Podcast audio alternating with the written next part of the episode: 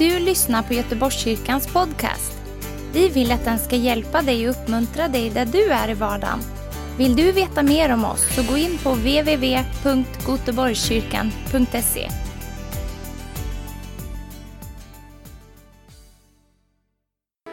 Amen, amen, av nåd, eller hur? Ge Herren en applåd.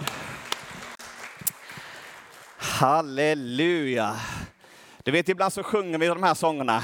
Jag har funnit kärlek större än livet självt. Och det blir liksom bara ord ibland.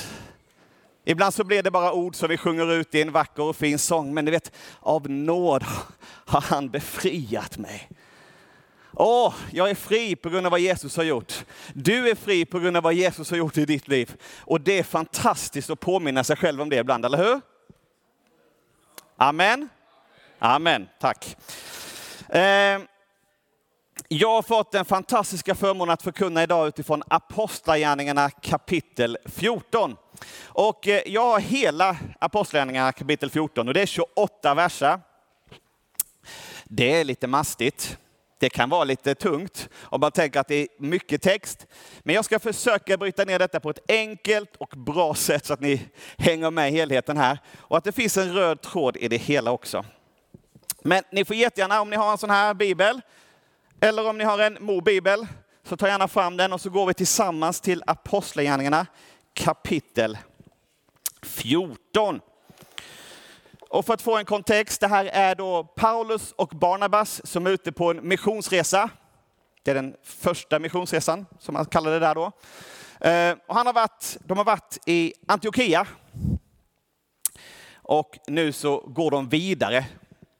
Eh, och ska bara ta lite vatten. Då är det så att vi börjar ifrån vers 1 och så ska vi läsa de första sju verserna först. I Ikonium hände samma sak. De gick till judarnas synagoga och predikade så att många, både judar och greker, kom till tro. Men de judar som vägrade tro hetsade upp hedningarna och förgiftade deras sinnen gentemot bröderna. Paulus och Barnabas stannade där en längre tid och talade frimodigt i förtröstan på Herren som bekräftade sitt nåderika ord genom att låta tecken och under ske genom deras händer. Men folket i staden delade sig så att vissa höll med judarna och andra med apostlarna.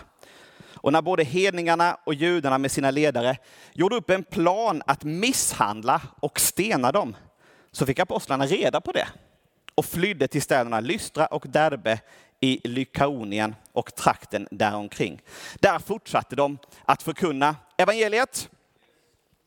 Det började här, i Ikonium hände samma sak, stod det i vers 1. Vad var det som är samma sak? Jo, de hade ju varit i Antiochia och där så kom judarna och började tala illa mot dem och om dem och hetsade upp folket mot dem så att man drev ut dem ifrån staden. Och nu så säger då eh, Lukas, säger apostlagärningarna, att i Ikonium hände samma sak. Vadå? Jo, men de gick till judarnas synagoga, de predikade, de delade evangeliet för människorna. Men de judar som vägrade tro hetsade upp folket mot dem. Och det blir en ganska hetsk stämning i den här staden. Det märker man när man läser lite igenom här. att Det var inte någon liksom lite så här gulligull. Det var inte något mjukt och trevligt och så här, utan det var ganska tufft. Men jag blev så fascinerad när jag då läser vers 3. Där det står att Paulus och Barnabas, Barnabas stannade där en längre tid. Du vet, jag, jag, kan tänka mig att jag hade nog velat stanna om det var väldigt trevligt och mysigt. Och allting var frid och fröjd. Där vill man gärna vila. Det vet man, man, man läser psalm 23, Herren är min herde, han för mig till gröna ängar och vatten där jag finner ro och det är liksom mysigt och trevligt och avslappnat. Men Herren förde Paulus och Barnabas till Ikonium och där var det hetsig stämning och folk som stred mot dem. Folk som var arga på dem, som var motståndare till evangeliet. Och vad gör de då? Jo, men då stannar de där en längre stund. Amen, då står de kvar där och bara står och bara förkunnar evangeliet till invånarna i staden. Och bara delar sitt hjärta, delar vad Gud har gjort oavsett vad som händer. Och det står att det skedde massa under och tecken. Och Herren bekräftade sitt ord. Han bekräftade liksom där att det de här säger är sant. Det som Paulus och Barnabas förkunnade är sanningen. Och så skedde det under och så skedde det tecken. Och det är fantastiskt att läsa att Gud var där med dem i allt detta. Och han lät detta ske. Men sen står det att de fick reda på, vi vet inte hur de fick reda på, om det var andens uppenbarelse eller om det var någon som hade hört någon säga som någonting och så gick de till dem och sa, du, du, du, eh, judarna här står de, de planerar att misshandla och stena er. Och de fick reda på detta. Och då väljer de att fly från staden. Då flyr de från staden och lämnar den bakom sig. Och, och, det var, de var ledda av den helige Ande att göra detta. För vi kommer att se att Gud verkar på olika sätt, i olika platser, i olika stunder och i olika tider. Men just här och då så fick de höra att de skulle bli misshandlade och stenade. Och då tänker de, då flyr vi, nu går vi vidare, här kan det fara för våra liv. Och så ger de sig vidare. Och vad kommer de då? Vi går vidare och läser lite vidare här. För då kommer de till staden Lystra som betyder höra, så det kan ni få gärna göra nu, lystra lite extra. Ehm, så står det så här i vers 8 och framåt ska vi läsa nu. I Lystra satt en man som var handikappad och förlamad i benen från födseln och som aldrig kunnat gå. Han lyssnade när Paulus predikade och Paulus han fäste sin blick i honom och när han såg att mannen hade tro så att han kunde bli botad sa han med hög röst. Res dig upp och stå på dina ben. Då hoppade han upp och började gå omkring. Och det här är ju fantastiskt under. Och när folket ser detta, vad säger de då? När folket såg detta så ropade de på lykaoniska. Det där är ett intressant ord. Lykaoniska.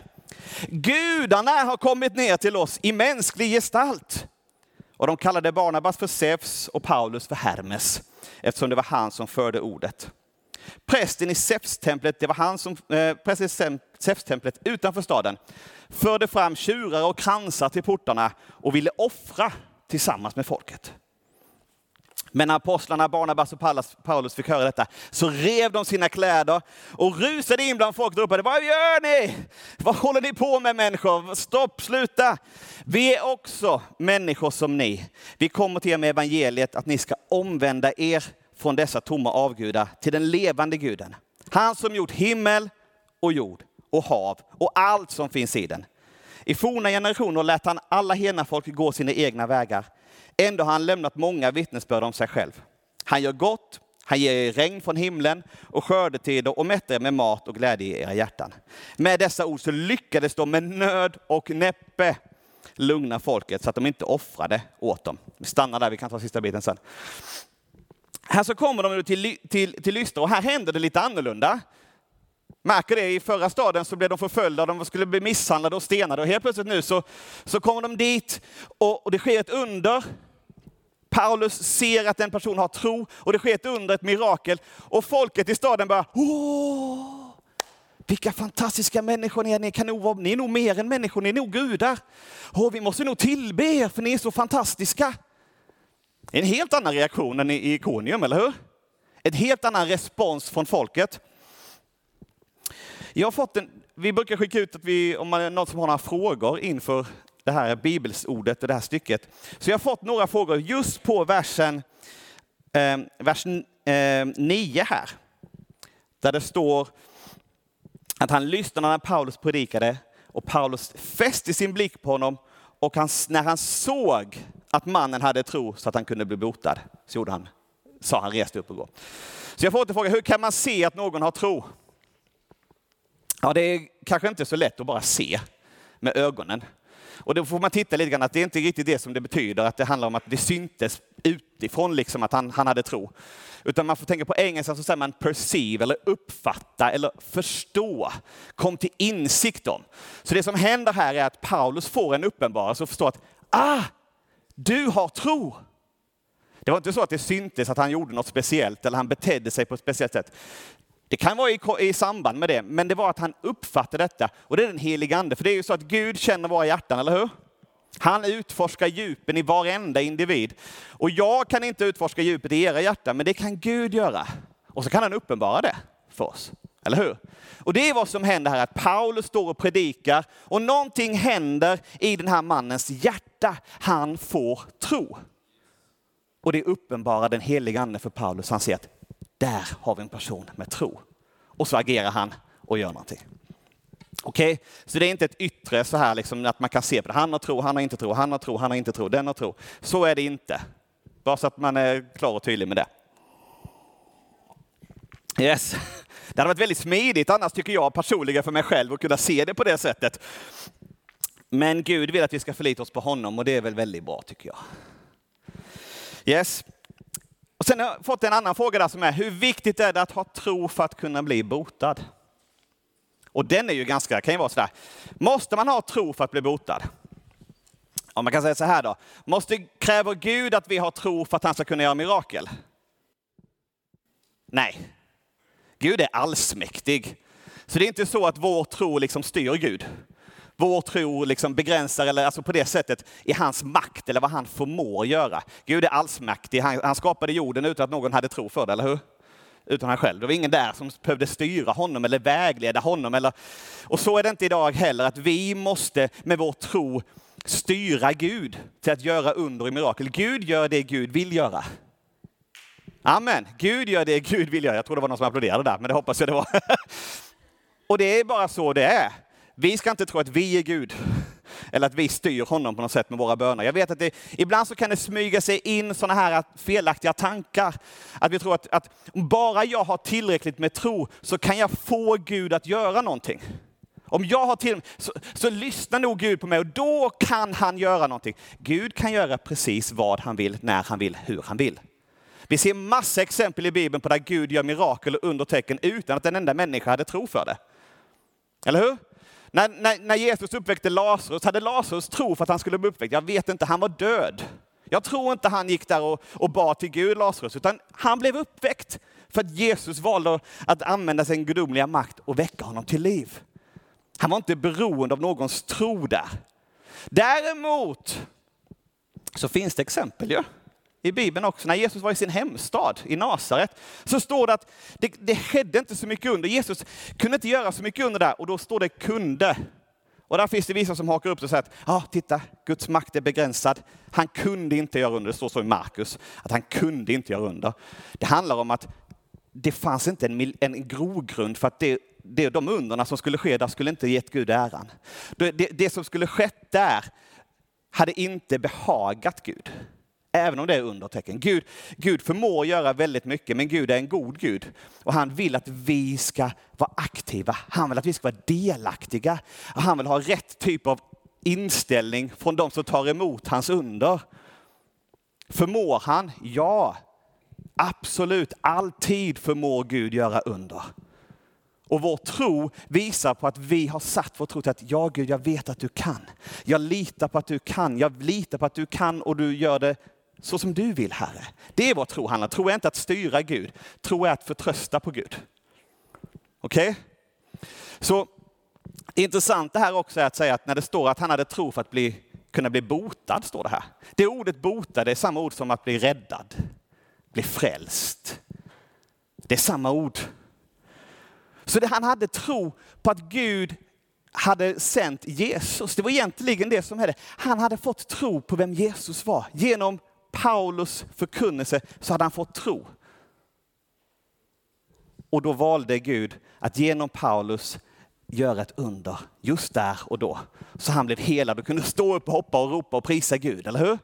Och det är fantastiskt vad Gud kan och vill göra med oss, eller hur? Bara vi, vi, vi lyssnar på honom och följer honom så vill han göra otroligt mycket.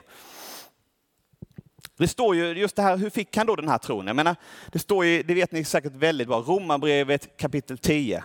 Jag vill bara gå lite grann dit. Vers 8 kan vi börja med. Så står det så här i vers 8. Vad säger den då? Jo, ordet är nära dig, i din mun och i ditt hjärta. Alltså trons ord som vi predikar.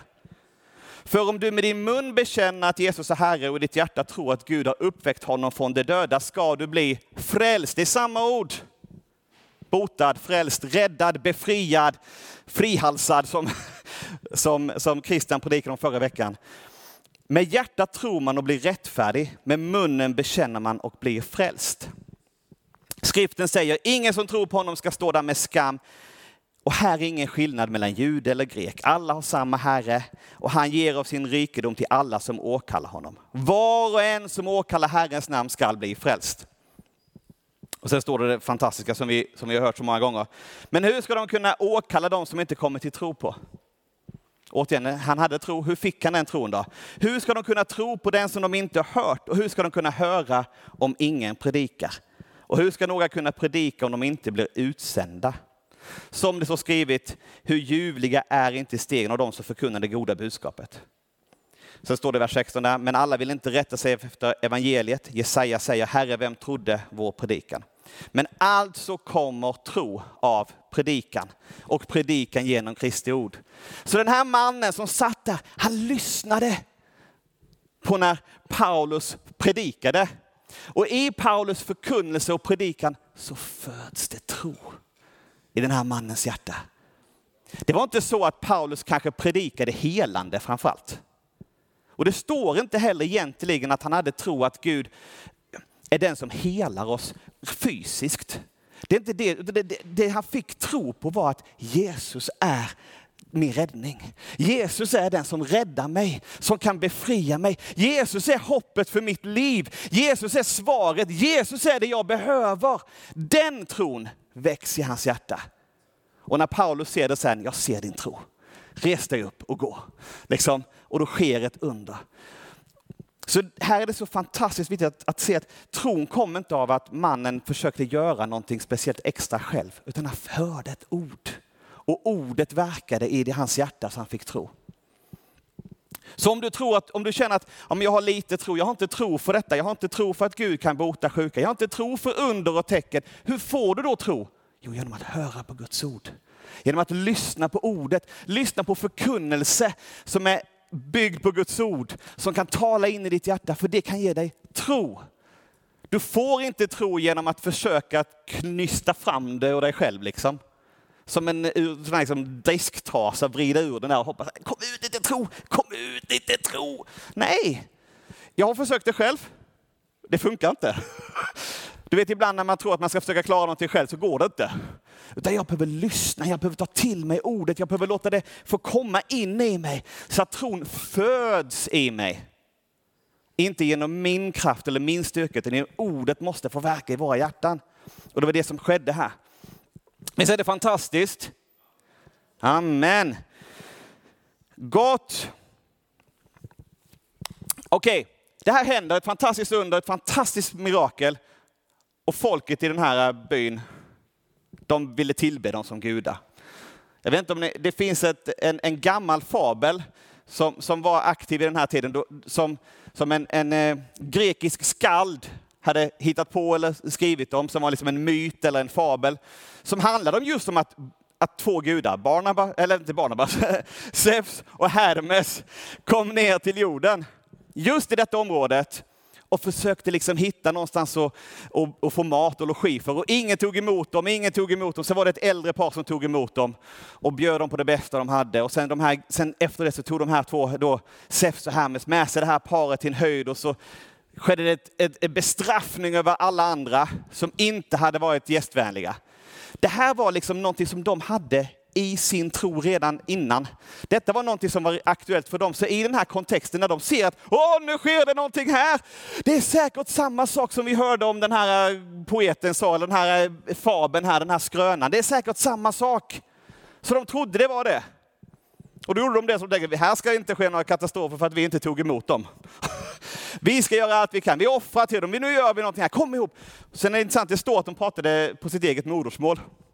Troligtvis var det så att Barnabas och, och Paulus förstod nog inte riktigt vad som skedde. För de började prata på sitt eget språk och det stod, Barnabas och, och, Paulus kunde inte det språket. Ju. Så att de började prata och de, det händer massa grejer här nu. Och Paulus och Barnabas står där bara, vad händer? Vad sker? Och sen när de väl fattar, nej, de ska offra. De tror att vi är gudar, de tror att vi är de som har gjort det här. Det är vår, vår kraft som gör detta, det är ju Gud. Så, så bara går de och säger stopp, stopp, stopp, stanna och så river de sina kläder för att visa på att det här är helt fel. Det här är inte vad Gud vill att vi ska göra. Och då, så för att förklara för de här, om vi, om vi tittar tidigare, så, så Paulus hade oftast varit i synagogorna och predikat och förkunnat och förklarat utifrån skrifterna vem Jesus var, att han är den utlovade Messias och alltihopa. Det kunde han inte göra här. De här kunde ju inte skrifterna. Det här var inte judar, de här kunde ju ingenting om det här. Hade han, hade han börjat med den vevan så hade det, inte, det hade nog inte gått så bra tror jag. Jag tror inte de hade fattat någonting av vad han sa. Utan vad gör han? Han möter dem där de är. Han möter dem där de är. Och säger till dem att, att Gud, den levande guden som har gjort himmel, jord och hav och allt som finns i den. Han som ger er regn och han som ger er det ni behöver. Den guden är det vi kommer i, i dess namn. Så han ser liksom att ja, men här, här kan jag inte prata om Messias, för det har de ingen aning om det begreppet. Utan nu pratar vi om Gud, nu pratar vi om han som har skapat alltihopa. För det ser de, skapelsen ser de. Och det vet de vad det är för någonting.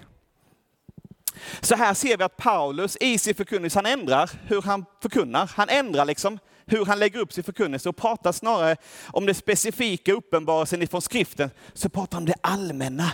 Ser ni vad, vad vacker himlen är? Visst är det Gud som har gjort det? Den här guden tillber vi. Det är hans namn vi kommer i. Han som ger regn så att det växer.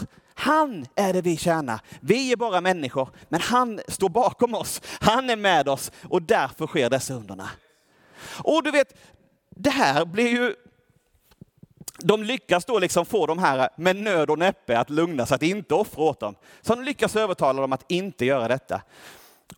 Och det är fantastiskt att se hur Paulus, ledd av den helige Ande, förmår bara hantera denna situationen. Det var ju inte så att Paulus såg att detta hände, så här, nu, går jag, nu går jag hem och förbereder en förkunnelse, en predikan om detta så att jag kan tala till de här människorna om vad som sker just nu, att det är fel. Jag ska studera lite först. Utan han bara gick in direkt och tog det och var ledd av den helige ande att tala rätt sak på plats för att lugna dem och dämpa dem. Det, som inte, det här är ju också, han lyckas få dem att dämpa sig. Och sen står det i vers 10 eller 19 och framåt att då kommer de här andra nu. Nu kommer från Antiochia och Ikonium kom nu några judar. De har lyckats liksom få grepp och bukt om situationen lite grann. Men då kommer judarna från Antiochia och Ikonium och de lyckas få med sig folket. Så då säger de att ja, du vet, ja, de är så dumma de här, de, de, talar, de känner inte alls någon sån här Gud och de talar säkert illa om Paulus och Barnabas väldigt radikalt. Och vi ser hur folket i, i, i Lystra helt bara vänder.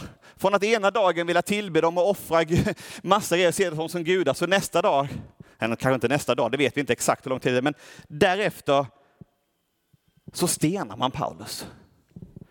Och släpar ut honom ur staden i tron att han var död. Men när lärjungarna samlades omkring honom så reste han sig och gick in i staden. Du vet, de, de, de stenar och tror att han är död. Det, om han dog eller inte dog, det vet vi inte. Det, det, det, de trodde att han var död. Sen om han var det eller inte, det vet vi inte. Men vi vet att Gud gjorde ett under för att han reser sig upp och går in i staden igen. Att Gud gör ett mirakel, det kan vi vara säkra på. Men ser du, vad gör Paulus när han blir uppväckt här igen? Liksom? Går han till nästa stad? Nej, han gick ju in i staden igen. Kommer ni ihåg att i Ikonium, när han fick höra att han skulle stenas, ja då flydde han. Men nu så går han in igen. Varför, varför det? Jo, men Herren leder honom. Han är smord av den helige Ande och går dit Herren leder. Och Herren säger, du går in i staden, ja då går han in i staden igen. Även om det är tufft. Jag undrar hur det liksom togs emot av folket när han kom tillbaka. Det, det vet, det står inte så mycket om det, vad som hände där. Men de, liksom, han, han var verkligen ledd av den helige ande. Och här är det så fantastiskt att se, tycker jag, att det finns inte en manual ett sätt att göra saker och ting på. Gud har inte gett oss att när ni kommer till en stad så ska ni göra exakt så här och så här och så här. Och om de gör detta så ska ni göra exakt det här. Utan där är det, vi behöver vara ledda av den helige ande. Apostlagärningarna 1 8, när den helige ande kommer över er ska ni få kraft att bli mina vittnen. Det är den helige andes kraft som gör att han går och gör det han gör. Och han måste vara fullständigt beroende av vad den helige ande säger och gör. Han klarar inte detta i egen logik och bara lägga upp det. För vi ser att det finns inte ett modus operandus som man säger. Det finns inte ett enda sätt att göra det på. Det är massa olika. Han gör på massa olika sätt. Vet ni vem som fanns i den här staden också? Det fanns en person som hette Timoteus. Känner ni igen det namnet? Ja, det känner ni igen. Bra. Han är ju där och ser allt detta. Det står inte här, men vi vet att han, han bodde i denna staden tillsammans med sin mor. Han, han är därifrån, hans mor var judinna. Och han ser och hör allt detta. Och det tycker jag är fantastiskt, för när man sen läser i första Timot eller andra Timoteusbrevet så säger han just detta. Paulus brev till Timoteus. Nu ska jag bara hitta det här. Jag hade det alldeles, alldeles strax. Andra Timoteusbrevet 3 och vers 10. Men du har troget följt mig i lära och liv, i målsättning och tro, i tålamod, kärlek och uthållighet. I de förföljelser och lidande som drabbade mig i Antiochia, Ikonium och Lystra. Precis de här städerna som de precis har varit i här nu. Vilka förföljelser har jag inte fått utstå, men Herren har räddat mig ur dem alla. Så kommer alla som vill leva gudfruktigt i Kristus Jesus att bli förföljda. Alltså att bli stenad skulle inte jag säga att bli räddad. Men man är inte kvar i stenad. Gud väckte honom igen liksom. Och vi kan oftast tänka att Gud räddar oss ifrån situationer genom att låta dem inte drabba oss alls. Men det är inte att bli räddad. Att, liksom, att bli räddad är att faktiskt utstå någonting och bli räddad ifrån det sen när man väl är där. Det var inte så att, att, att Paulus undvek all förföljelse. Jag, jag, tror att det finns ganska många som skulle nog vara väldigt glada av att få undvika all typ av förföljelse. Som skulle känna att oh, det är att bli räddad ifrån Gud. Att Gud, räddar mig för att jag får slippa förföljelse. Ju. Men Paulus menar att nej, förföljelse kommer du få, men i förföljelsen så kommer Gud rädda dig. I det som är motståndet och svårigheterna, där är Gud och räddar dig. På det sättet han vill. Ibland så säger han till att du ska fly för att du ska bli stenad. Ibland så låter han dig bli stenad. Ibland så, så låter han människor få tillbe dig och du måste säga nej. Gud tillät ju alla dessa situationer att ske. Förstår ni vad jag menar med det? Att, att han, han räddade inte Paulus från alla dessa omständigheterna. Så han undslapp dem. Utan han fick gå igenom dem med Gud vid sin sida. Och så vill jag leva. Jag vill gå liksom med Gud vid min sida igenom svårigheter och inte helt slippa dem. För svårigheterna är viktiga för oss, vi behöver dem. För att vi faktiskt ska förtrösta på Herren. För att vi faktiskt ska lita på honom helt och fullt. Tänk om Paulus bara skulle haft en smooth journey. Alltså allting skulle bara gått hur bra som helst, ingenting skulle hänt. Han skulle bara... Vilken person hade han varit då? Hur hade den här bibeln, alltså de här skrifterna hade varit helt annorlunda. För genom lidandet så formades hans tro på att Gud är med mig. Genom lidandet så var Gud med hela vägen. Och jag tror inte han hade varit samma person om inte han hade fått gå igenom allt det här. Och inte vi heller. Det är därför han ska säga, det står att vi ska räkna som glädje när vi får utstå prövning. Ja, det gör inte jag spontant i mig själv. Men när man vet vad frukten blir, när man vet att Gud är med mig igenom detta och han formar mig, han fostrar mig, han tränar mig, han utrustar mig, han leder mig, han styrker mig. Allt detta sker genom lidandet. Ja, då kan jag nog köpa in på det. Då kan jag vara med. När jag ser att det är något annat som är målet, lidandet är inte målet. Det är inte så att vi försöker hamna i situationer som är jobbiga för oss själva bara för att. Men när Gud leder oss så kommer det komma situationer som är tuffa. Det händer hela tiden här ser vi. Så när vi går med Gud så leder han oss på rätta vägar för sitt namns skull. Han leder oss rätt.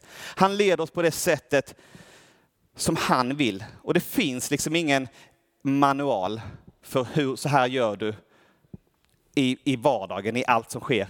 Den enda manualen som finns är att du ska vara nära Jesus och gå med den helige andes ledning. Det är liksom manualen, håll dig nära, håll dig nära, lyssna och följ. Och så blir det bra.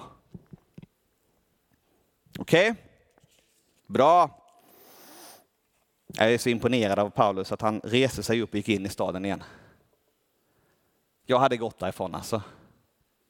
Jag hade inte gått in i staden igen. Tror jag. Jag hade gått därifrån. Men han gick in i staden igen. Trots att han precis hade blivit stenad. Yes. Jag har några verser kvar i det här kapitlet. Vi ska se om vi hinner med detta. Eh, nästa dag, står det i vers 20 och vidare där. Nästa dag gick Paulus och Barnabas vidare till Derbe. Där förkunnade, de förkunnade evangeliet i staden och vann många lärjungar. Och det är allt som står om Derbe. vi har allt annat. Det här är det som står om vad som hände i Derbe, så där vet vi inte så mycket mer. Men så står det, sedan återvände de till Lystra, precis där han var alldeles nyss, till Ikonium, där han blev hotad att bli stenad, och till Antiochia, där han blev utdriven ifrån. Han återvände till alla städerna igen. Vilket mod alltså!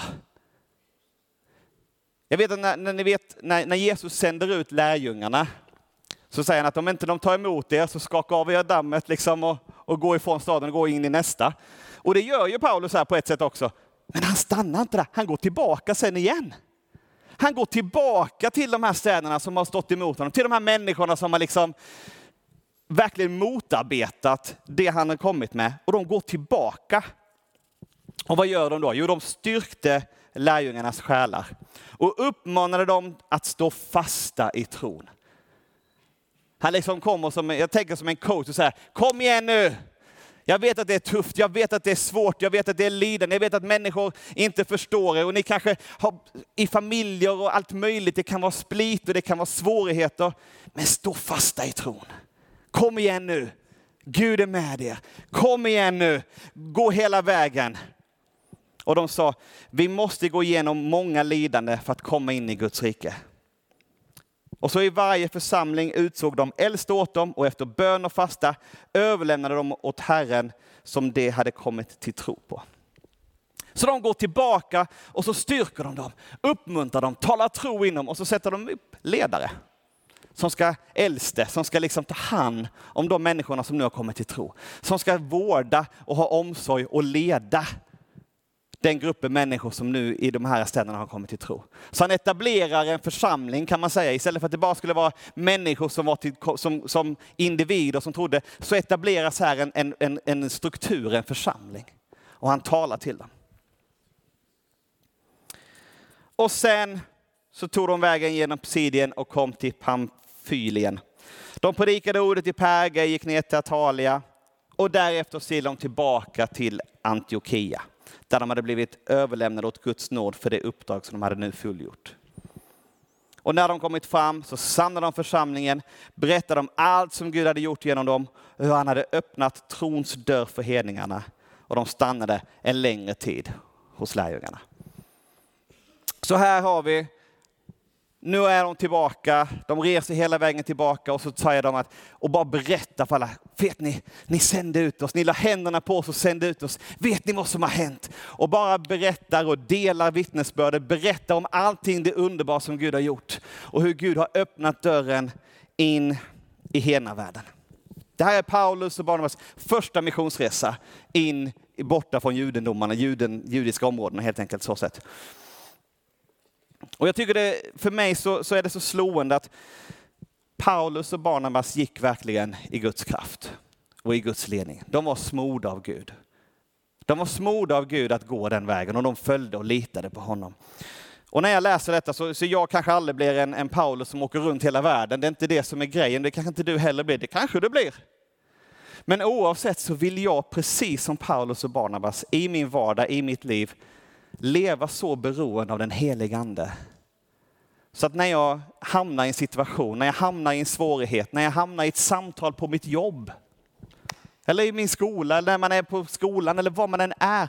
När man hamnar i de här situationerna där man inte riktigt vet hur ska jag göra, så kan man inte förlita sig på någon liksom manual, att en, tre steg, så här gör du. Utan där vill jag bara känna att ja, men jag är med Gud. Gud är med mig, den helige Ande är med mig. Och han får leda mig i mina samtal. Han får leda mig i hur jag ska göra, om jag ska gå därifrån. För ibland så ska vi gå ifrån ett samtal. ibland så ska vi stå kvar och bli stenade. Kanske med ord ibland blir vi stenade. Har ni varit med om det någon gång? Att vi blivit stenade med ord? Folk har kastat skit på oss. Ibland så ska vi stå kvar. Ibland så ska vi gå därifrån. Men när ska vi göra vad? Ja, det, det, finns inget svar som är automatiskt, utan där måste vi vara ledda av den helige Ande. Vi är beroende av honom. Jag är beroende av honom, precis som Paulus och Barnabas var beroende av den helige Ande, så är vi det idag. Även om vi inte åker runt i, i Turkiet och till en massa städer på det sättet, så behöver jag det i min vardag. Och du behöver det i din vardag. Amen. Amen. Vi är beroende av den helige Ande. Och det står att när han kommer över så ska vi få kraft att bli hans vittnen, eller hur? Amen. Lovsångarna får jättegärna komma fram så ska vi ta och tillbe Herren en stund tillsammans. Yes. Herre, jag bara tackar dig Herre för att du Herre är alltid med oss Herre. Du är alltid vid vår sida. Du leder oss och du finns där hela tiden Herre. Och det står i ditt ord att du leder oss på rätta vägar för ditt namns skull Herre. Och nu bara ber jag för alla som är i detta rummet just nu Herre. Du vet precis vilka situationer vi står inför. Kanske vägval i livet Herre. Kanske saker och ting som vi inte är bekväma med eller vi kanske inte vet lösningen på Herre. Jag bara ber om en förtröstan på dig Herre. Jag ber om en förtröstan på din heliga Andes ledning Herre. För Herre, du, du är den som, som leder oss Herre Ibland undviker vi smärta och lidande, ibland så leder det oss igenom det. Herre, dina vägar är det vi vill vandra på. Ditt sätt är det vi vill göra det på, inte på vårt eget sätt, Herre. I Jesu namn. Yes. Tack för att du har lyssnat. Dela gärna podden med dina vänner och glöm inte prenumerera. Om du har frågor eller vill att vi ska be för något så mejla oss på info på söndagar har vi veckans höjdpunkt. Då firar vi gudstjänst tillsammans och det vore så kul att träffa dig där. Men vi har även samlingar för barn då? Gå in på vår hemsida goteborgskyrkan.se så får du veta mer. Välkommen till oss!